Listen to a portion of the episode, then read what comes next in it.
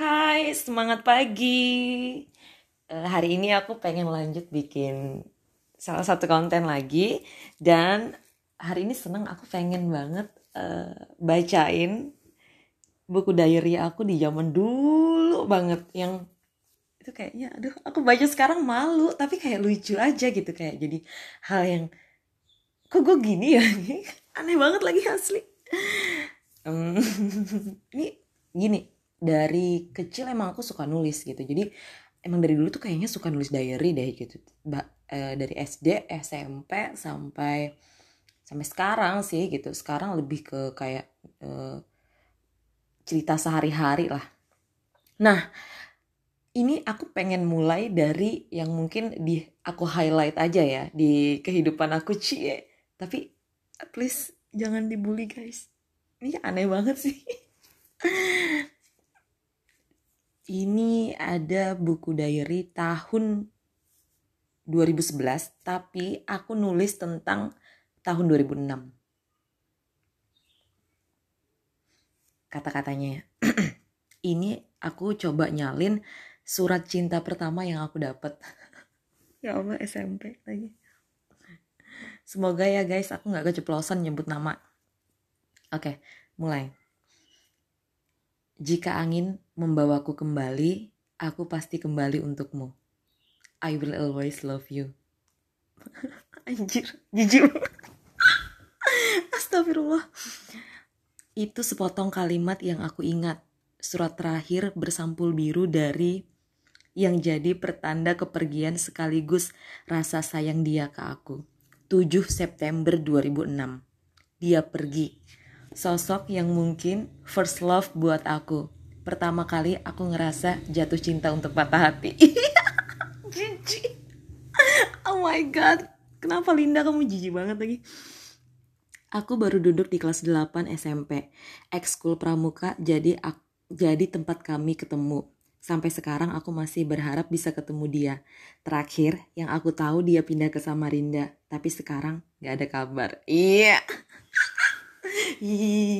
yang jijik banget tuh ini. Ada tema lagunya. Jadi tema lagu pada saat itu tuh ada tiga nih. Ada Dear Diary-nya Ratu, Hampanya Ari Lasso, sama Saat-saat Terindahnya Rama. Astagfirullahaladzim. Jijik banget sih Linda. Itu berarti kalau 2006 aku umur berapa ya? 13 tahun coy 13 tahun tuh udah nulis kayak gini gitu aneh banget lagi Astagfirullah ada lagi nih ada lagi. Ini eh, ceritanya tahun 2000 berapa nya 2007 ini highlight tahun 2007 Senja di Pantai Pagatan. Ini judul musikalisasi puisi yang dia tampilkan waktu itu. Empat hari memang waktu singkat, tapi kenangannya begitu melekat. Hari pertama, jam 9 pagi, becak yang membawa kami menuju gedung 7 Februari tiba. Dengan mengenakan seragam putih biru, aku memasuki gedung dengan penuh semangat. Setibanya di depan pintu, semangat itu mulai luntur. Orang-orang baru dan begitu asing tampak memenuhi isi ruangan. Di ujung kanan ruangan tampak sesosok lelaki mengenakan seragam putih abu-abu terus memperhatikanku sepertinya jadi pertanda baik ya Allah GR banget Tinda. Astagfirullah. Hari pertama materi yang diberikan tentang puisi. Aku suka ini. Senin 23 Juli 2007 itu pun berakhir dengan materi puisi dan aku mendapat nilai baik saat pembacaan. Hari kedua, Awalnya berat hadir kembali di tempat itu. Kira-kira dua jam berlalu ada seorang kakak dalam tanda kutip menyapa dari depan tempat aku duduk. Lu ngapain ya aku tulis kakak dalam tanda kutip ya? Oke oke. Terus kayak dia, eh, terus aku nulis detail cowoknya tuh kayak ngajak kenalan gitu. Terus aku kayak, eh, aku mau bacain detail malu cuy. Jijik banget soalnya. Intinya itu aku sebutin namanya. Terus aku nulis di situ dia sosok paling ideal menurutku asik ih jijik genit banget sih Linda anjir ada hari kedua ketiga hingga hari terakhir kujalani dengan penuh semangat. Pementasan pun kulewati di hari terakhir. Teater berjudul Pasukan Gila mendapat peran sebagai serdadu gila. Acara foto bareng itu hanya itu yang paling ku ingat. Spontan dia merangkul pundaku ya Allah dasar si genit Linda. Ih gini aja udah udah GR banget. Hanya satu hal yang aku simpan ID card hampir dua tahun pasca pertemuan itu kami tak pernah lagi bertemu hmm. oke okay. aneh banget ini ini ini apaan sih gitu anak SMP kecentik kecentilan Astagfirullah lagi lagi Oke, okay, ini, ini ini ini ini ini aku lagi nulis uh, cerita tentang pacar pertamaku tahun 2009.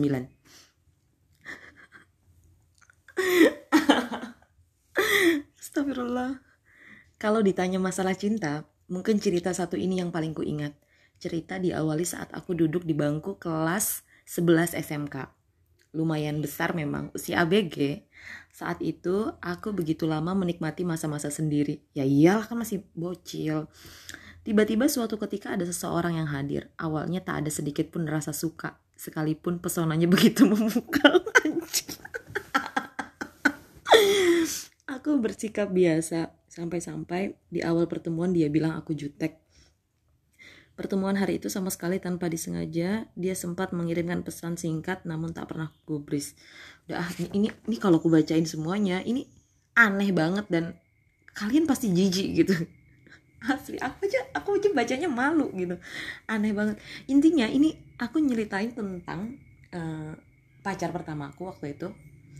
Kayak apa ya cinta pertama aku lah gitu. Aku bisa bilang kayak aku ngerasain patah hati pertama kali kayaknya sama dia maksudnya patah hati yang bener-bener uh, kita pernah pacaran dan aku patah hati itu kayaknya sama dia deh gitu. Jadi kayak aneh banget. Kita pacaran bentar banget kok enam bulan apa pokoknya bentar banget kita pacaran. Pokoknya intinya ini ya Allah dulu tuh kayak dia tuh kayak pernah pernah ngomong gini aku udah komit sama hubungan ini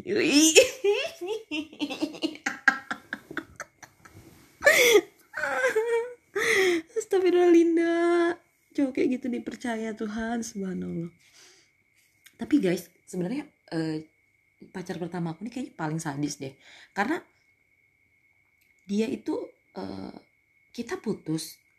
Nah umur dulu ya. Usia aku waktu itu 2009 berarti aku 16 tahun. Sedangkan dia itu 19 tahun apa 18 tahun gitu. Pokoknya kita beda 2 tahun. Dia kelas 3 SMA aku kelas 1 terus uh, pada saat udah lulus dia udah dia udah lulus kan dia langsung kerja tuh lulus lulus SMA langsung kerja eh nggak lama dia tuh merit. Dia merit sama cewek yang udah kerja di tambang. Nah pada saat itu aku tuh yang nggak pernah punya cita-cita kerja di tambang. Aku pengen banget kerja di tambang supaya aku aku kayak dendam banget. Aku kayak kayak dongkol banget waktu itu. Oh jadi yang kamu cari cewek yang kerja nih gitu. Intinya kayak gitu kayak waktu itu kayak ada pikiran-pikiran pikiran bocil yang kayak anjir banget lagi aku patah hati banget waktu itu. Jijik banget asli ayo Allah. Dasar bucin. Pokoknya intinya kayak aduh aneh banget nih ini kalau dibacain kalau dibacain detail malu sih. Aneh banget asli. Aduh.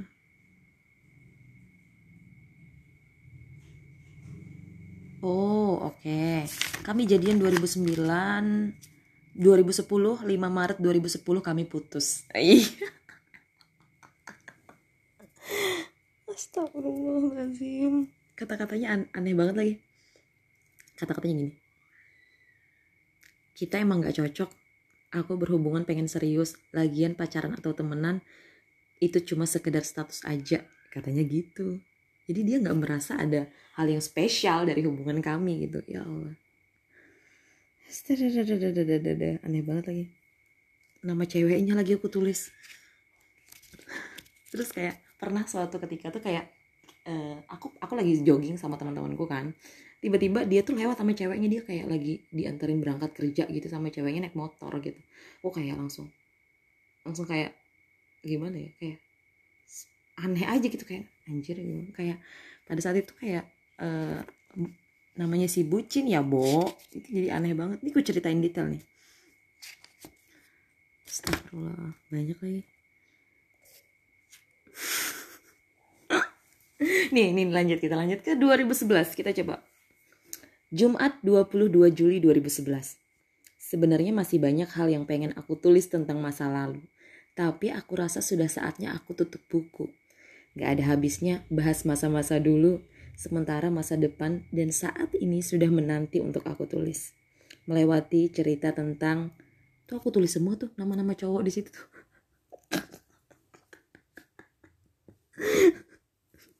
Sekarang aku langsung beranjak ke satu nama yaitu aduh aku tulis lagi namanya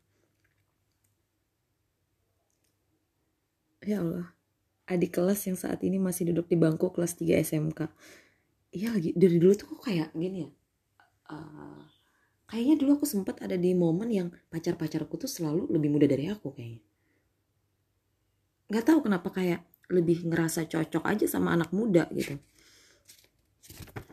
Sama yang lebih muda. Duh, pokoknya intinya banyak banget lagi nih. Astagfirullah. Dulu, dulu ya ya Allah si bucin. Kayaknya dulu aku bucin banget lagi. Nih oke aku bacain cita-cita besar aku ya nih aku coba nih cita-cita besar judul tulisannya Aku sempat takut punya cita-cita. Aku takut kecewa kalau aku tak gapai itu semua. Apalagi kalau aku mengutarakan apa cita-citaku, pasti ada yang tertawa. Dan itu sempat membuatku mengurungkan mimpi-mimpi besarku. Tapi untuk apa takut? Kalau memang cita-cita itu justru membuat kita semakin semangat dalam menjalani hidup, apa ada yang salah? Aku mulai berani bercita-cita setinggi mungkin, sampai-sampai itu dianggap mustahil kata mereka. Tapi aku percaya, impossible is nothing. Jadi masih ada kemungkinan untuk gapai semua itu hal yang mereka bilang mustahil. Yang pertama, cita-citaku jadi penulis, novel, cerpen, puisi, lagu, dan lain-lain. Yang kedua jadi penyanyi. Yang ketiga bikin film minimal film-film pendek. Keempat jadi pengusaha. Dan satu hal yang paling penting aku pengen jadi duta besar. Dan buat mewujudkan itu aku ingin kuasai bahasa-bahasa English, Spanish, dan Mandarin. Ternyata dulu aku kayak gitu ya. ya Allah Linda pengen jadi duta besar cuy ya Allah oh ya aku pernah banget lagi aku pernah baca uh, kenapa aku jadi pengen jadi duta besar sebenarnya backgroundnya tuh karena aku baca salah satu novel waktu aku SMP jadi salah satu novel itu nyeritain tentang peran utamanya itu uh, tokoh utamanya itu dia uh, kuliah jurusan hubungan internasional dan akhirnya dia jadi duta besar. Aku lupa judulnya apa ya. Pokoknya gara-gara itu aku ngerasa itu keren banget. Aku harus bisa bahasa Inggris, Spanish dan Mandarin. Pokoknya gara-gara itu gitu. Jadi wah gila sih ini kayaknya semua cita-cita ini belum terwujud ya guys padahal sudah eh, uh, 10 tahun lebih berlalu gitu sekarang masih kerja aja oke okay. oke okay, boleh aduh Oke, okay, ini pernah aku aku sering banget bikin kutipan-kutipan. 11 Juni 2011. Hari ini buka Facebook jam 14 Wita. Hampir semua posting bertema cinta. Hede, sangat-sangat prihatin. Sekedar suka atau naksir nggak salah. Tapi di usia remaja gini gak usahlah terlalu mendalam. Mending mikirin gimana caranya jadi orang berguna bukan menghabiskan masa muda dengan memprioritaskan cinta. Takutnya tujuan hidup cuma nikah muda, kerjaan cuma duduk manis dan mikir siapa jodoh kita nanti. Oh ya guys, kayaknya dari dulu aku tuh bukan penganut paham nikah muda kayaknya ya. nih nih lagi. Keinginan untuk jadi remaja berprestasi benar-benar sudah mendarah daging.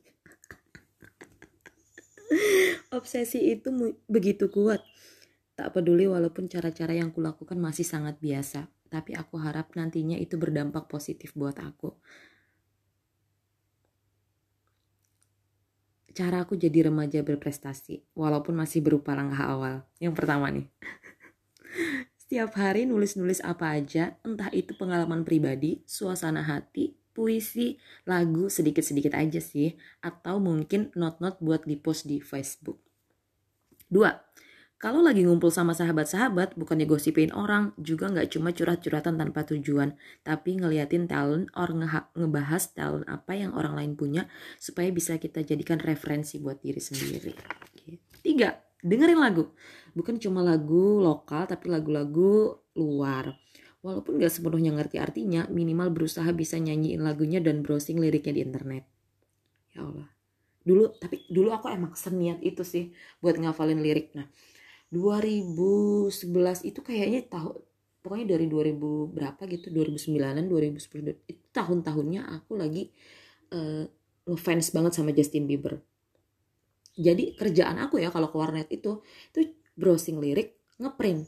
Uang sakunya kayaknya habis di situ deh browsing lirik ngeprint browsing lirik ngeprint. Jadi kayak uh, karena karena kalau denger bahasa Inggris itu kayak masih aneh masih nggak bisa jadi aku berusaha ngeprint liriknya. Jadi al aku ingat banget album Justin Bieber yang My World sama My World 2.0 itu aku hafal cuy saking seniat itu gitu Terus di 2011 itu juga kayaknya aku lagi senang-senangnya Jessie J deh. Jadi kayak lagu-lagunya Jessie J itu kayak uh, mulai dengerin, mulai ngafal-ngafalin kayak gitu.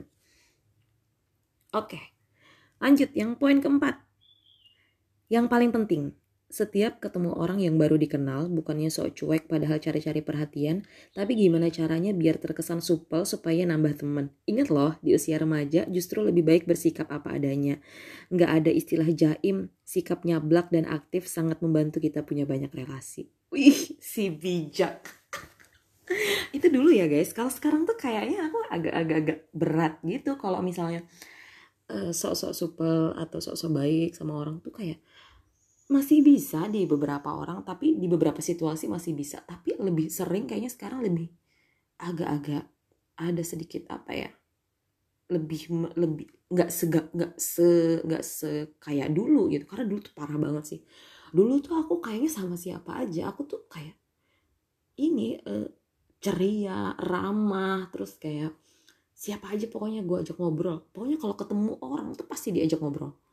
Siapa pun kayak ngajak kenalan duluan gitu. Kayak nggak ada canggung-canggungnya. Kalau sekarang tuh masih ada masih ada malunya masih ada kayaknya enggak deh gitu nanti deh gitu. Kayaknya ini nggak perlu deh kayaknya ini ini deh kayaknya mulai aku mulai uh, berusaha memilah nih. Kira-kira uh, ini aku pantas gak sih kalau ngajak ngobrol duluan dan lain sebagainya gitu. Jadi poin nomor empat ini sekarang masih dilakuin tapi nggak se ekstrim dulu gitu. Lebih banyak dikurangi sih. Dan sekarang aku tuh kayak uh, ngumpul-ngumpul sama orang itu intensitasnya memang agak aku kurangi karena aku masih ada perasaan kadang-kadang kurang nyaman gitu kalau misalnya ada di keramaian. Ya walaupun di sisi lain juga aku seneng seneng seneng ini ya seneng kayak ngumpul-ngumpul acara aku seneng gitu. Tapi ada sisi di mana uh, kadang-kadang aku masih kayak pengen di rumah aja deh males ketemu orang gitu. Is, gitu sih. Jadi kayaknya untuk yang episode kali ini cukup kali ya.